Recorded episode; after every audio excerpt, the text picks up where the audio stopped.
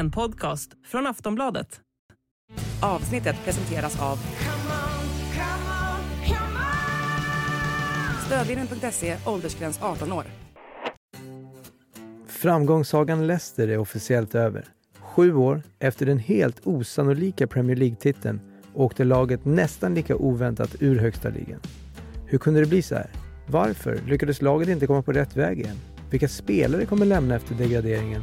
Och när får vi se klubben i Premier League igen? Tillsammans med Makoto Asahara frågar vi oss också om det är en trend i Europa att klassiska klubbar har det lite tuffare. Jag heter Niklas Hornerud och du lyssnar på Sportbladet Daily.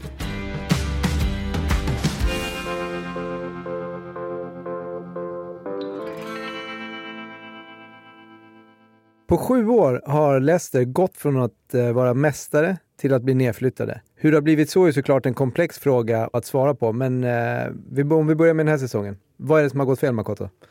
Ja, det mesta.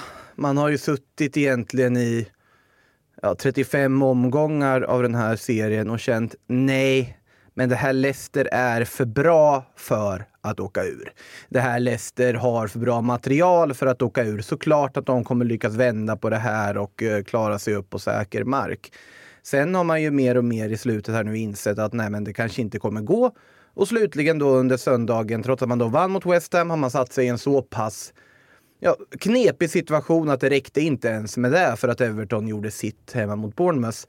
Så Leicester åker ur Premier League trots att de då ja, har en trupp som absolut inte ens ska vara i närheten av någon bottenstrid. De har en trupp som snarare ska ha ambitioner för att tampas om Europaplatser högre upp. Och det är ju inte många år vi behöver backa bandet för att hitta ett Leicester där de faktiskt gjorde det också. Eh, så att det är ju ett ja, fullkomligt fiasko. Det är inget annat sätt man kan beskriva det med. Men det känns som att nästan Leicester själva gick på den här myten om att äh, vi är nog för bra för att faktiskt kunna åka ur på allvar. Det här är en dålig säsong. Ja, men vi kommer ju lösa det. Nej, man löste det inte och nu väntar ju en väldigt oviss framtid för uh, föreningen med tanke på att det är Championship som stundar. Men eh, klubben har ju tidigare varit väldigt bra på att hitta guldkorn som ingen annan riktigt hade sett. Tänker främst på Riyad Mahrez och N'Golo Kanté. Eh, men den här scoutingen, har den inte funkat lika bra på senare år eller är det någonting annat som har fallerat? Alltså en stor del av problematiken hos Leicester har faktiskt varit transferfilosofin, eh, transfermarknaden. Men det har ju inte att göra med svag scouting att göra. Utan det har snarare haft att göra med att de inte har haft medel att investera i truppen. Eh, om man tittar på då Mahrez och Kanté som du nämnde är spelare som var ja, bärande och fick sina stora genombrott under den här helt osannolika guldsäsongen de hade 2015-2016. Eh, den som på något sätt Ja, det, det, fanns ju inte att de skulle vinna den titeln. Det är ju en av de största överraskningarna vi har sett i mm. modern fotboll egentligen. Att Leicester i den här tiden, i den här kan gå och vinna Premier League med det materialet de hade då de var ju väldigt bra på att ersätta de här spelarna. Det var ju trots allt Leicester som även säsonger efter det var med och liksom tog Europaplatser och så vidare och tampades högt upp i tabellen. För att de har varit väldigt bra och haft en grund att stå på och varit väldigt, väldigt skickliga i sin rekrytering och fått in rätt spelare och, och så vidare och kunnat ersätta de spelare som försvunnit som Mares och Kanté med, med väldigt bra spelare. Jag tänker på en spelare som till exempel Wilfred Ndidi som gick in på mittfältet och ersatte Kanté som var alldeles strålande till exempel. Eh, de har haft väldigt liksom, bra rekrytering överlag. Men det är de senare åren som det har bildats någon form av mättnad. Brendan Rodgers som tränade klubben när den här säsongen började sa ju för ett och ett halvt år sedan att den här truppen måste liksom göras om i grunden. Och det, det, vi ska komma ihåg är att Leicester, om man då tittar historiskt, är den klubb med allra högst löneutgifter som någonsin åker ur Premier League.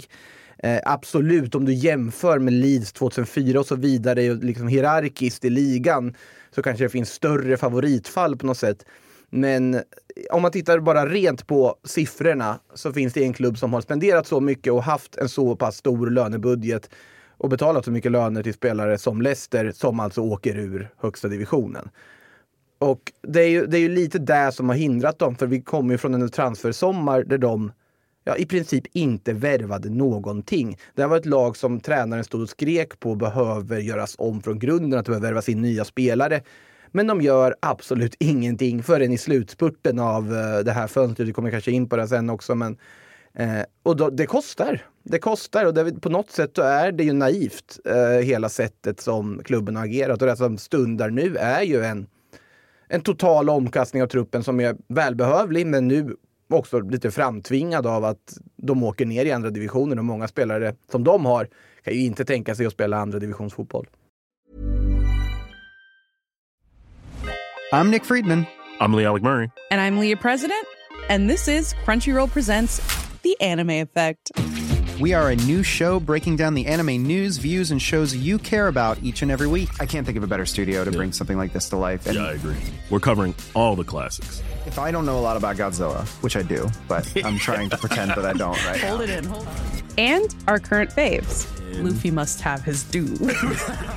Tune in every week for the latest anime updates and possibly a few debates. Oof. I remember, what was that? Say what you're gonna say, and I'll circle back. you can listen to Crunchyroll Presents The Anime Effect every Friday wherever you get your podcasts. And watch full video episodes on Crunchyroll or the Crunchyroll YouTube channel.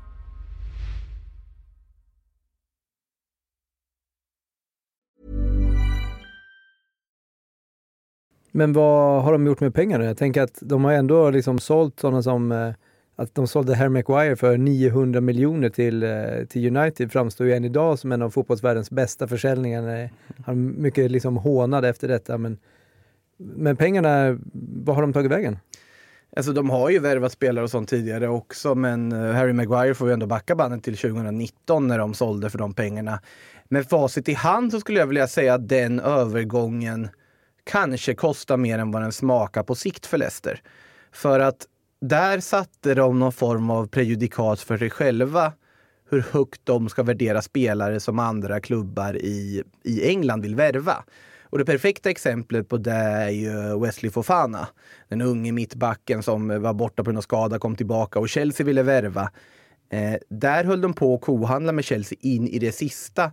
Slutligen så får de en otroligt saftig övergångssumma för spelaren.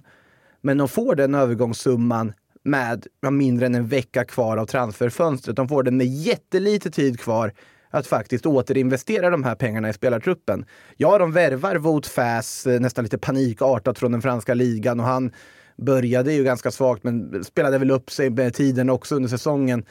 Men de har ju inte gett sig själva möjligheten att faktiskt bygga om truppen. Titta på när Kasper Schmeichel valde att lämna för eh, franska solkusten istället för att stanna i, i Leicester när han gick till Nice. Eh, känns ganska logiskt för en klubb med Leicesters ambitioner att ersätta sin första målvakt. Nej, men vi har ju Danny Ward i truppen. Vi kör nog vidare på det, kände de. Ward petad för den okände dansken Iversen istället mitt under säsong. Eh, de har på något sätt, både på grund av att de har låsta av väldigt höga löner, men också på att de varit låsta av att de vägrar sälja spelare till rätt pris. Alltså de, de krävde för mycket av spelare och förstod kanske inte att bättre att få in de här pengarna tidigt i ett fönster, acceptera en lite mindre summa och så faktiskt få tid att återinvestera och faktiskt bygga ett slagkraftigt lag.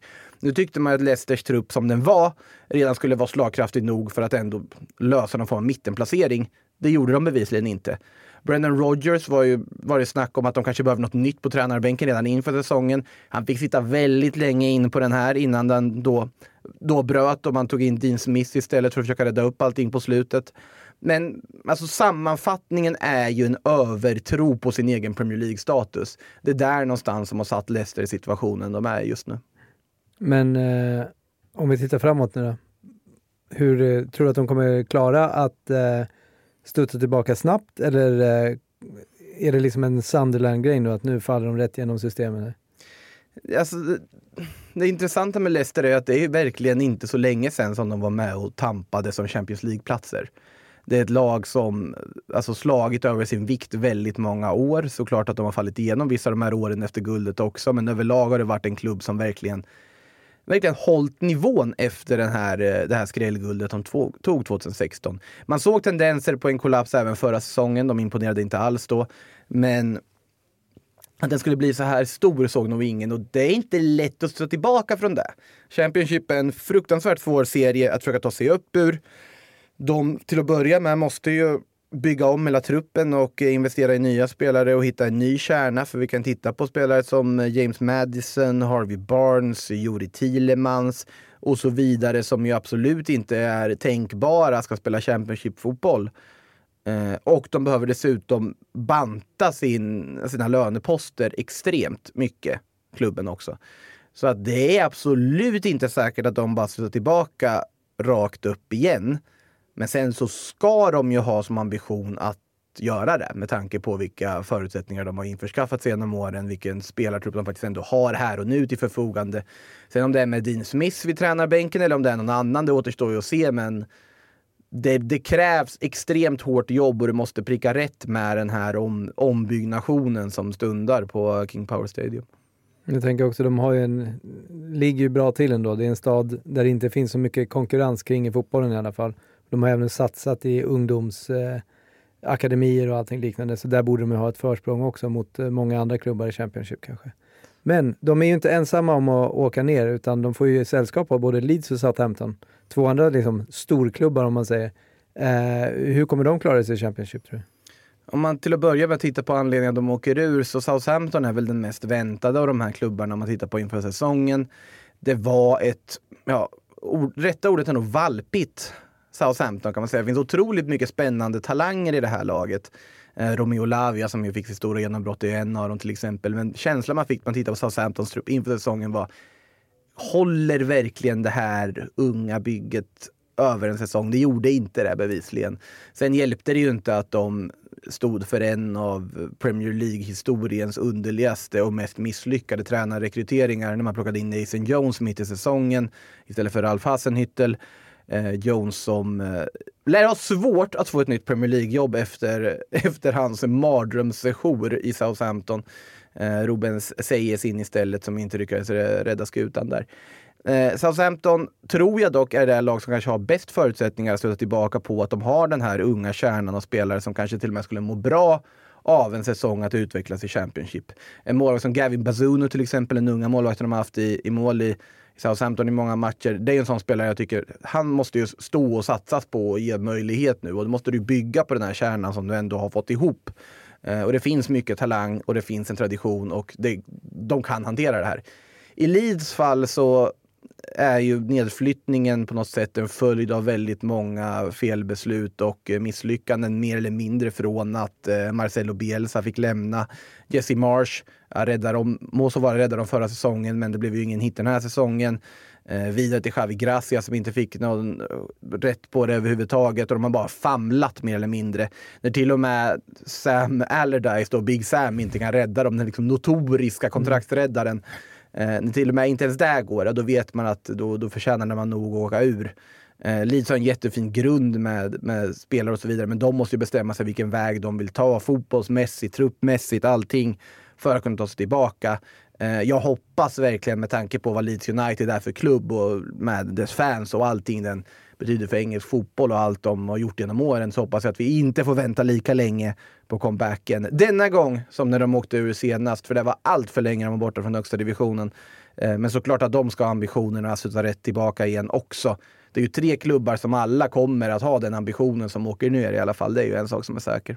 Ja, Leeds ligger väl inte på ruinens brant den här gången som tur är. Så de, ändå lite, Nej, lite de måste bara hitta en riktning på vad det är de sysslar med. Det är det som är problemet lite där kanske. Men vi hade ju också då betydligt att vi hade tre nykomlingar som eh, stannar kvar. Eh, det kan väl inte vara helt vanligt i Premier League-sammanhang? Nej, och det var nog länge i den här säsongen vi absolut inte trodde att det skulle bli fallet. Och det intressanta är väl att de här har tagit sig an den här säsongen på väldigt olika sätt. Fulham har ju gjort en supersäsong sett till trupp och förväntningar där Marco Silva har fått ihop det där gänget på ett jättefint vis. Klarade ju kontraktet jättetidigt och har ju liksom legat och hängt i mitten av tabellen nu i lugn och ro här under slutspurten. Eh, all heder till hur de har hanterat det. Eh, var ett lag som många tippade skulle åka ur eh, inför säsongen. Bournemouth var man väldigt orolig för väldigt länge, men eh, med lite smarta rekryteringar i vinterfönstret med en väldigt tro på den kärna man hade så har de fått ihop det nog för att också ha säkrat kontraktet med god marginal. Och jag ser ganska positivt på Bournemouths chanser framöver med Vegas Golden Knights-ägaren Foley där som eh, börjat investera lite pengar i truppen nu också. Och de, de har något bra på gång. Eh, och Nottingham som ju var den nykomling som gick in i Premier League med allra mest eh, pompa och ståt, i alla fall på transfermarknaden när de Ja, det räckte med att du hade sett en fotboll så var du ju värvad av Nottingham mer eller mindre. De värvade 23 spelare inför säsongen. Eh, det gick inte ihop. Det var ett lag som där det kändes som att det var ingen kände någon mer eller mindre. De behövde spela med namnskyltar på träning nästan för att de skulle veta vilka varandra var. Stackars Steve Cooper som ska på något sätt lotsa ihop det här. Man kände att det här kommer ju gå käpprätt. Eh, det gick ganska bra för att Cooper fick förtroendet. Han fick ihop ett lag av det. Många av nyförvärven identifierar sig ganska fort med Nottingham. Jag tänker kanske på Morgan Gibbs White framför allt. Den här ja, ganska dyra engelska mittfältaren som man värvade in som ändå har blivit en ledargestalt i detta Forest och, och gjort det väldigt bra. Eh, men sen så värvade de ju en eh, tio spelare till i vinterfönstret också. Men det är ju bra spelare de plockat mm. in. Och att de klarar kontraktet nu, ja, det är ju imponerande av Steve Cooper att få ihop det så bra som han har gjort i Forest. Eh, och de har ju alla möjligheter att etablera sig nu när de har klarat det här första viktiga året. Precis. Eh, men om vi lyfter eh, blicken lite grann från de engelska öarna så eh, har vi sett klassikerlag som Espanyol och Schalke 04 i Tyskland och respektive Spanien åka ur högsta serierna. Är det någon trend vi ser här nu att det är storlag som får lämna? Alltså den gemensamma nämnaren på alla de här lagen som klassiska klubbar som åker ur är ju att det på något sätt har skett någon form av misskötsel. Alltså att det här är ju klubbar som om de sköts på rätt sätt, om det sportsliga projektet går åt rätt håll och de får ihop där de kan utifrån de premisser de har som med deras status och supporterbas och arenor så ska de inte ens vara, vi ska inte ens prata om att de ska vara i någon nedflyttningstrid. Espanyol har ju varit jättestort missnöje mot klubbledningen hela säsongen för vad de har fått ihop för trupp och hur de har spelat. De åkte ur nu med sent mål de släppte in mot eh, Valencia borta som eh, då förseglade deras öde. Schalke 04 hade vi i princip räknat, de var ju nykomlingar ska vi dessutom säga efter att då sensationellt åkt ur. Eh, också haft någon så här lång utdragen väntan på att de skulle göra det innan de gjorde det. Då. Sluta tillbaka. Ingen trodde egentligen på den här säsongen. De gör en ganska bra upphämtning i Bundesliga under slutspurten. Men i slutändan så räckte det inte heller för dem. De kan ju få sällskap ner av Stuttgart också som hamnar på kvalplatsen. Eh, men det det säger är väl att det är lättare idag. Eller alltså det, att liksom stat, tradition och så vidare är kanske inte lika bärande i de här storligorna på liksom, ja, förutsättningar du får som nykomling. Premier League är väl det exemplet där till exempel Luton som går upp nu, en jätteliten klubb mm. i sammanhanget. Ja, de får några miljarder tack vare där Premier League-uppflyttningen. Eh, det finns möjlighet att som Nottingham investera och ha en attraktionskraft på en marknad som, även som nykomling. Och då krävs det att även om du är en etablerad klubb som lever i någon sorts falsk säkerhet så måste du vara på tårna. Du kan inte bara stå och titta på och tro att saker löser sig. Kvaliteten är för hög för att göra det. Och det gäller väl kanske primärt då Premier League. Men som sagt, även i, i La Liga nu till exempel så är det ju så att nykomlingarna har klarat sig ganska bra. Mm. Eh, medan eh, det är etablerade klubbar som, eh, i det här fallet då Espanyol på näst sista platsen som, som åker ner. Och det är ju ett jättemisslyckande med tanke på vad de här klubbarna betyder. Det är ju derbyn som vi blir av med. Vi ror derbyt mellan Schalke och Dortmund blir det inte nästa säsong. Det blir inget Barcelona-derby mellan Espanyol och Barcelona. Vi får ett Liverpool-derby, mm. men det satt långt inne mm. med tanke på Evertons säsong också. Och där har vi en klubb som kanske och har gått lite samma väg som Schalke gjort de senaste åren som verkligen liksom utmanar ödet år efter år efter år. Och Sean Dyche, tränaren, var inne på det efter matchen också att vi kan inte stå här och fira när man har säkrat kontraktet. Det är för dåligt att ens vara här. Och det ligger mycket i det att eh, det är väl en påminnelse om att även om du har en etablerad klubb med allt vad det innebär så måste du göra jobbet också för att få ihop ett slagkraftigt lag. Mm. Ja, men med det så eh, tackar jag dig Makoto för att du eh, var med här i Sportbladet Daily och till lyssnarna säger vi tack, tack, vi hörs. Du har lyssnat på en podcast från Aftonbladet. Ansvarig utgivare är Lena K Samuelsson.